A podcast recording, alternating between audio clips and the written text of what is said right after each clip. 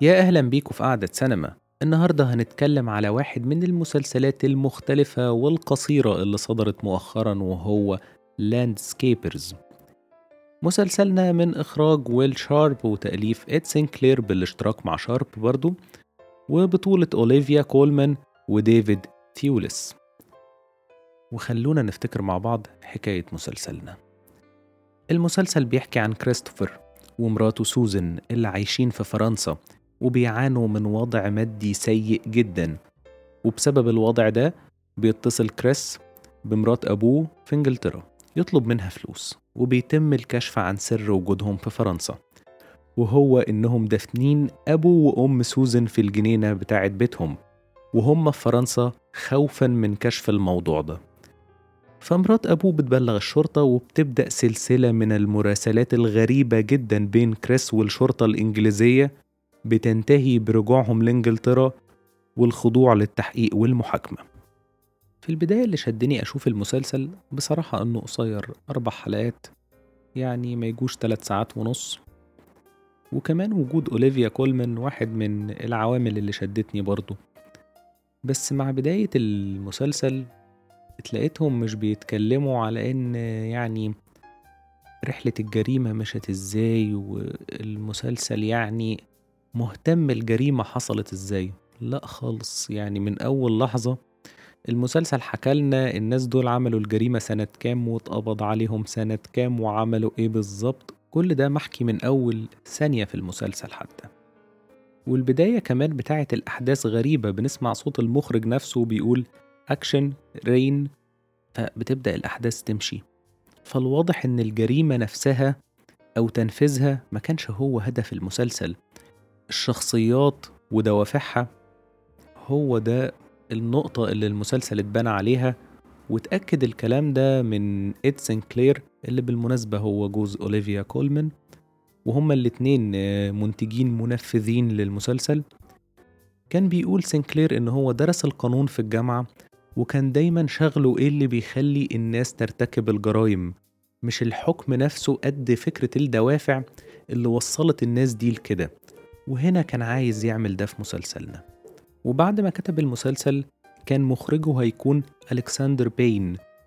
مخرج فيلم The Descendants بس بسبب مشروع شغال عليه بين اضطر يعتذر وجه ويل شارب اللي عمل مع إد سينكلير ثنائية طلعت لنا واحد من أغرب المسلسلات. المسلسل بالنسبة لي على قد غرابته على قد حلاوته. كان عاجبني أوي شخصياته وهنا حابب أتكلم عنهم أول حاجة. لأن التصميم بتاعهم كان حلو ومتناغم. يعني بنلاقي كريس دايما بيحب يكون هو المسؤول المنقذ يعني أهم حد في حياة اللي حواليه. دايما هو المسؤول هو رقم واحد. وده قبله إن سوزن دايما كانت حاسة إن محدش بيحبها. بسبب كلام أمها وعلاقة أمها وأبوها اللي كانت هتكون عابرة حسب كلام أمها لولا إن هي حملت في سوزن. فكانوا هما الجزئين الناقصين في حياة بعض. يعني هي لقت اللي عايزاه في كريس الشخص المسؤول اللي يملي حياتها. وكريس مش عايز أقول لقى الضحية بتاعته لأن هي مش في اللحظة دي هتكون ضحية. قد ما لقى الجزء الناقص الشخصية اللي هيبقى مسؤول عنها اللي تحس إن هو ماسك إيدها في كل حاجة. هو اللي بينفذ كل حاجة. فكان العلاقة بينهم فيها هارموني بس مع الوقت بنلاقي إن هما بيتبادلوا الأدوار. ودي حاجة زودت قوة الشخصيات والتناغم بينها. يعني كريس كان في لحظات سوزن هي عالمه والشخص الوحيد المهم في حياته وبتلعب دور المنقذ. خاصة بعد موت أخوه وكانت بتكتب له جوابات على إنها جيرارد دي بارديو الممثل الفرنسي المشهور وكانت بتحسسه في الجوابات دي إن في أمل في الدنيا وتكتب له رسايل ترفع من روحه المعنوية على إنها من دي بارديو فالتكامل بينهم وتبادل الأدوار ده خلى العلاقة الغريبة دي يعني تخلي الواحد مشدود إنه يكمل المسلسل. وكمان كان في حاجة إن من أول الحلقات ما نقدرش نحس إن ال couple ده ممكن يعمل الجريمة دي. الناس دي بيتقدموا في أول الحلقات على إنهم شخصيات قمة في اللطف وأحيانا ممكن يبان عليهم السذاجة. فالمشاهد يبقى مش عارف إزاي الناس دي يطلع منها كده. فأعتقد ده كان ذكاء من سينكلير وشارب إن هما يخلوا المشاهد عايز يعرف إيه الدوافع والظروف اللي تخلي اتنين بالحالة دي يعملوا الجريمة الفظيعة دي. فالدوافع والقصة الغريبة دي عرفناهم في قالب بصري مختلف. انطلقته من سوزن اللي كانت بتحب الأفلام جدا. ونقدر نقول بالذات أفلام ال western وبتحب الممثل جاري كوبر وكمان بتحب جيرارد ديبارديو وكانوا بيروحوا السينما كتير هي وكريس. فالواضح يعني إن السينما هي عالمها الخاص.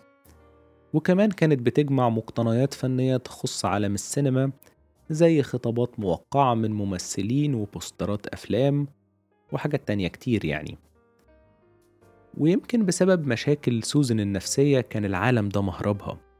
ومع الوقت كريس انضم ليها كنوع من الرومانسية والتعبير عن الحب. ويمكن ده خلى الأسلوب السردي يكون فيه جزء كبير بيضم أبطالنا في عالم السينما يعني في لحظات هنلاقي كريس وسوزن جوه أحداث فيلم كده في وسط الكلام يعني بشكل ملوش مقدمات. وحتى إن الجريمة نفسها اتنفذت بشكل مسرحي وبشكل مسرحي هنا مش أداء لأ يعني على إنها مسرحية. أبطالها هم الأب والأم المقتولين وسوزن وكريس كان بيحضر وكان مخرج المسرحية أو مخرجين المسرحية والقائمين عليها هم الشرطة. هي لحظات أنا ما شفتهاش في حاجة قبل كده. فيعني اللي ما شافش ده مش حرق بقى للمسلسل ده لازم تشوف لأن هي لحظات غريبة تتشاف ما تتحكيش. وحتى في الحلقة الأخيرة كمان بالتوازي مع المحاكمة كان في قصة فيلم western بطولة كريس وسوزن بيحكي ملخص حياتهم في الحلقة الأخيرة بالتوازي مع المحاكمة يعني. بس على قد حلاوته حسيت إن هو أوفر شوية ده كان إحساسي طول ما أنا بتفرج. بس لما خلصت حسيت إن الجزء ده عجبني من ناحية التصوير والتنفيذ. بس برضه ما أقدرش أنسى ولا أنكر إحساسي إن هو كان زيادة. عارفين لما تشوفوا حاجة حلوة قوي جوه قالب مش بتاعها قوي فتحسوا اللي هي إيه الأفوارة دي؟ ده كان إحساسي من ناحية الجزء ده. بس القرارات الغريبة معظم الوقت كانت مميزة جدا. يعني أقدر أقول إن الفترة بتاعت المراسلات في الحلقة الأولى تحديدا بين كريس والبوليس كانت حلوة قوي لأن كريس كان بيبقى وهو بيقرأ بنلاقي كريس واقف جوه مكان الشرطة بيحكي لهم هو عمل إيه وحصل إزاي والشرطة لما بترد كانوا بيبقى كأنهم موجودين نفسهم بشكل فيزيكال أو يعني حاضرين يعني بجسمهم بيحكوا الحكاية في المكان اللي واقف فيه أحيانا. فكان نقطة مختلفة وجامدة جدا جوه المسلسل وخاصة إن الجريمة على قد صعوبتها أكيد حد شاف زيها أو سمع عنها في السينما في التلفزيون في الدوكيومنتريز أي حاجة. فده إدى اختلاف للموضوع وأسلوب السرد. وكمان كان في جزء أبيض وأسود بين أبو وأم سوزن وسوزن لما كانوا بيزوروهم في بيتهم الجزء اللي فيه بيع البيت اللي نقدر نقول أضيف لدوافع القتل كان متنفذ بشكل حلو جدا وشبه الأفلام الأبيض وأسود القديمة الأجنبية. فبصراحة كان معظم القرارات موفقة. فده كله نقدر نقول أضيف للمميزات اللي في المسلسل منها أداء الأبطال الكويس جدا وأنا بشكل شخصي حبيت أوليفيا كولمان جدا كان ليها لحظات جيدة في كل حلقة بصراحة. بس مشاهد المحاكمة في الحلقة الأخيرة كانت حقيقي ممتازة. تقريبا ما اتكلمتش فيهم ولا كلمة بس عملت أداء عظيم كعادتها. وكان في كيمياء حلوة جدا بينها وبين ثيولس. باقي الممثلين كانوا كويسين عامة.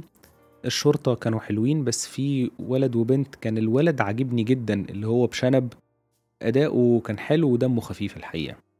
ومن ضمن المميزات اللي عجبتني فكرة وجود فوتج بتاع أخبار في آخر الحلقات تحديدا التلاتة الأولانيين خلت المشاهد يرتبط بفكرة إن دي قصة حقيقية وحسسني بالمجهود اللي معمول في المكياج للأبطال.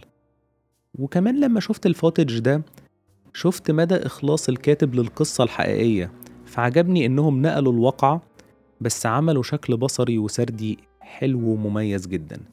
بس برضو الموضوع لا يخلو من العيوب. كان في عيبين تحديدا. كان في جزء أبيض وأسود. كان في بداية العلاقة بين كريس وسوزن.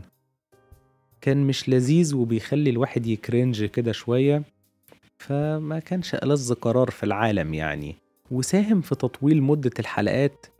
لأن المسلسل ده رغم إن هو عدد حلقاته قليل كان فيه شوية مط كده. يعني حسسوني إن المتعة قلت شوية. فآخر حاجة حابب أتكلم عنها في الحكاية دي هي نهاية المسلسل. لأن الناس اجتهدت في تفسيرها شوية لأن في النهاية بنلاقي إن في جواب كتبه كريس لسوزن بيتقري بعد المحاكمة بيشرح فيه إحساسه من ناحيتها وإنه ما كانش متضايق من حياتهم سوا وإنه يمكن قال لمرات أبوه علشان محتاج مساعدة وبعدين وقع الجواب بجملة زوجك جيرارد دي بارديو ففي كذا تفسير للنقطة دي. أول حاجة إن هو من الأول عارف قصة الجوابات اللي هي بتكتبها وبتوقعها على إنها جيرارد دي بارديو ومرضاش يكشف الموضوع ده وكمل لأن هو عاجبه وكمل معاها في الفانتازيا دي. السبب التاني إن هو كتب الجواب الأخير ده علشان يستكملوا الفانتازيا اللي عايشين فيها طول حياتهم ويخلي الشكل ده للعلاقة مكمل. وآخر تفسير من رأيي الشخصي إن هو لما حب يعترف بضعفه وإن هو مش المنقذ طول الوقت استعار شخصية تانية يعترف بيها وهي شخصية جيرارد دي بارديو ده رأيي الشخصي وممكن تكون التفسيرات دي كلها صح مع بعض يعني. فلحد هنا خلص كلامي عن واحد من المسلسلات المختلفة والمميزة اللي صدرت مؤخرا. فيا رب تكون الحلقة عجبتكم ويا ريت اللي مش عامل subscribe يعمل عشان توصل لكم الحلقات الجديدة باستمرار ونتقابل الحلقة الجاية. مع السلامة.